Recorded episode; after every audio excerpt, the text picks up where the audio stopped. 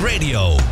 Maar eerst gaan we het hebben met Hugo Houpermans over nou ja, de forensen die hun auto laten staan. Want de brandstofprijzen zijn gelukkig al eventjes een tijdje geleden gezakt. Dat komt natuurlijk omdat het kabinet de accijns op eh, de brandstof heeft verlaagd. Um, maar de prijzen blijven toch nog best wel hoog hoor aan de pomp. Kanter Public heeft een onderzoek gedaan in opdracht van coalitie Anders Reizen. En wat blijkt nu? Uh, 8 op de 10 forensen laat hun auto niet vaker staan uh, dan voorheen vanwege deze hoge brandstofprijs. Dus aan de telefoon hebben we de directeur van coalitie Anders reizen. Hugo Houpermans. Hugo, een hele goede middag. Een hele goede middag. Ja, forensen, dat zijn mensen die hun auto echt nodig hebben voor het woon- en werkverkeer, hè? Um, voor, wat je ziet is dat 50% van de, uh, van, de, uh, van de Nederlanders gewoon met de fossiele brandstofauto naar het werk gaat. Dat is, dat is een hartstikke grote groep.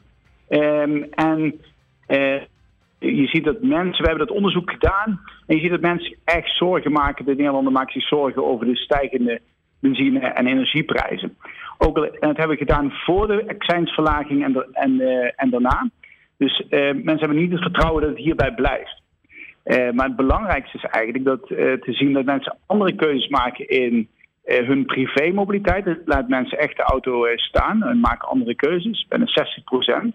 Maar in het zakelijke verkeer zit er veel minder ruimte. Dus jij framed hem op deze manier van 8 op de 10 laat de auto daar uh, lijkt... keuze laatste oh. maand hebben gemaakt. Zo, ik moet je even onderbreken, Hugo. Je, de verbinding uh, viel halverwege weg toen jij zei dat, uh, dat ik hem vreemde als, als 8 op de 10 mensen laten hun auto niet vaker staan. En toen zei jij dat, dat, ja. dat vreemde ik een beetje. Wat, wat, wat hebben jullie dan onderzocht? Wat is dan de uitslag van jullie onderzoek? Nee, het, is, het is hoe je het, hoe je het uitlegt. Hè. Dus 8 op de 10 hebben inderdaad de auto niet laten staan en zijn Um, uh, zijn gewoon met de auto naar het werk gekomen, maken zich wel zorgen. Maar twee op de tien hebben gezegd, ik ga het anders doen. Ja. En, daar, en dat is het interessante, dat er dus door die uh, brandstofprijzen mensen wel nadenken over hun mobiliteit. Ja, en zijn jullie, daar, zijn jullie daar blij mee? Dat toch, want, want jij zegt we hebben dit voor de accijnsverlaging gedaan en na de accijnsverlaging. Zie je daar trouwens nog verschil in? Uh, in nee. die twee op de tien, nee. dat, dat is hetzelfde gebleven.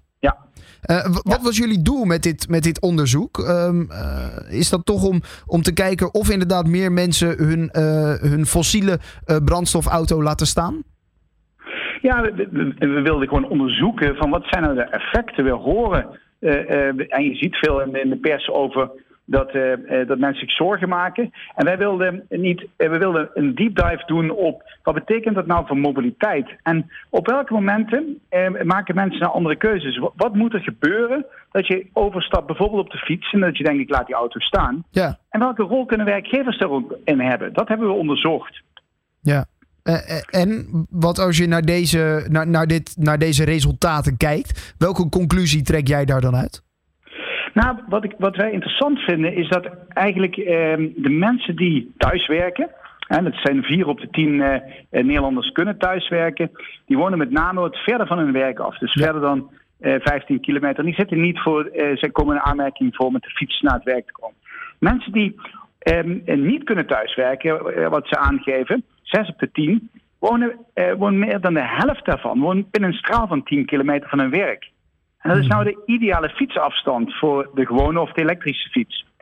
Dus dat, dat, dat was een interessante. En dat mensen gevoelig zijn uiteindelijk voor prijsprikkels. Dus als het uh, uh, PBL, het Planbureau voor de Leefomgeving, die rekent uh, iedere keer, ieder jaar uit. Die zegt, ja, mensen die, die, maken geen andere keuzes, die blijven altijd in de gewoonte. Alleen met dit, dit onderzoek zagen we dat dat absoluut niet het geval is. Niet dat iedereen een andere keuze maakt, maar de, maar de groep wordt steeds groter de groep die kiest om de auto te laten staan? De groep die uh, de, de auto laat staan, uh, en dat hoeft niet uh, iedere dag te zijn, maar die, die ook voornemens is om andere keuzes te maken. Ja, en... toch, toch is 80% dat nog niet, hè? 80% nee. die zegt, ondanks die accijnsverlaging of, en de hoge brandstofprijs, ik bedoel, die zijn nog steeds super hoog.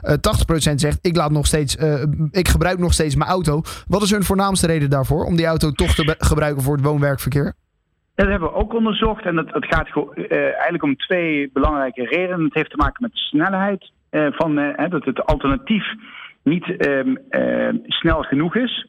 En het tweede is ook de, bijvoorbeeld de fietsafstand is te ver. Dus, dat, ja. dus het gaat vooral over tijd. Ja. Kan het openbaar vervoer daar natuurlijk nog een rol in spelen? Het openbaar vervoer kan er zeker een rol in spelen. We zagen dat van die hè, de 70% overgestapt was aan de fiets en 8% op het OV.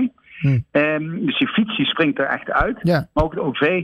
Ja, ik zit ook te denken van als tijden zo'n belangrijke rol speelt. Hè, dan, op moment, dit moment is het nog rustiger op de weg dan twee jaar geleden.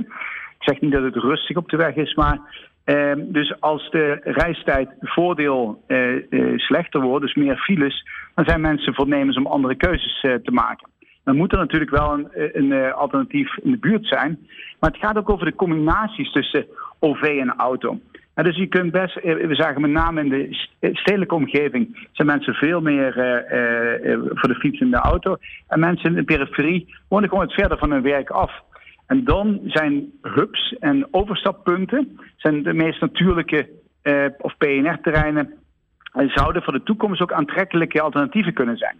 Ja, wat uh, kan een werkgever hier nog aan doen om, om een stimulans te maken om de auto te laten staan?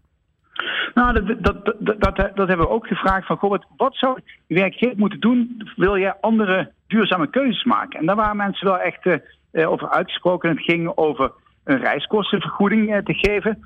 Ook onder de 10 kilometer.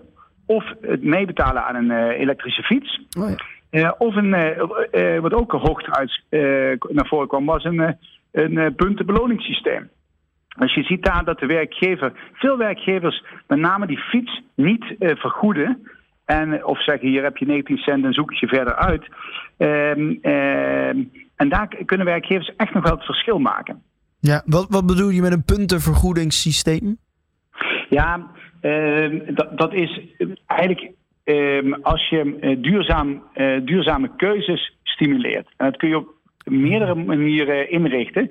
Ehm, voor ons is dit gewoon een interessante onderzoeksrichting om eens met de markt ook in, in gesprek te gaan over wat zou een, een positief beloningssysteem, hoe zou het kunnen uitzien? En eh, zonder daar meteen een product of wat dan ook aan te hangen. Mensen zijn gewoon, Nederlanders zijn ook gevoelig voor zegeltjes sparen. En hoe ziet dat dan uit bij duurzame mobiliteit? Ja, nu hebben jullie dit uh, onderzoek in de handen, de, de, resultaten van het onderzoek als coalitie Anders Reizen. Uh, gaan, gaat Nederland anders reizen? Ziet, dat, ziet het er zo naar uit voor in de toekomst? Nou, we zien dat steeds meer mensen uh, be bewuster, voor ons, ons doel is dat mensen bewuste keuzes maken in de mobiliteit. En mobiliteit is gewoon gewoontegedrag. Je, je, doet, je, doet wat je altijd hebt gedaan. En we zien dat werkgevers, en dat is wat wij binnen de coalitie hebben, met 70 grote werkgevers, zien als je iets gaat aanpassen in die reis, uh, in de, het, het, beleid van een eh, werkgever, dat mensen andere keuzes maken. Dus als jij uh, je bedrijf vestigt op een OV-locatie, dan gaan mensen ook automatisch meer met OV reizen. Als jij een vergoeding geeft voor de fiets, dan mensen automatisch ook meer met de fiets reizen. Dat zien we terug. Dus we, zien wel, een, de werkgever heeft hier een cruciale rol in. Want de helft van de uh, kilometers over de weg zijn de verantwoordelijkheid van werkgevers. Nou, dan kunnen werkgevers ook die handschoen oppakken om daar een positieve bijdrage aan te geven. Oké. Ik wil je bedanken, Hugo Houpermans, directeur van het coalitie Anders Reizen. Traffic Radio, always on the road.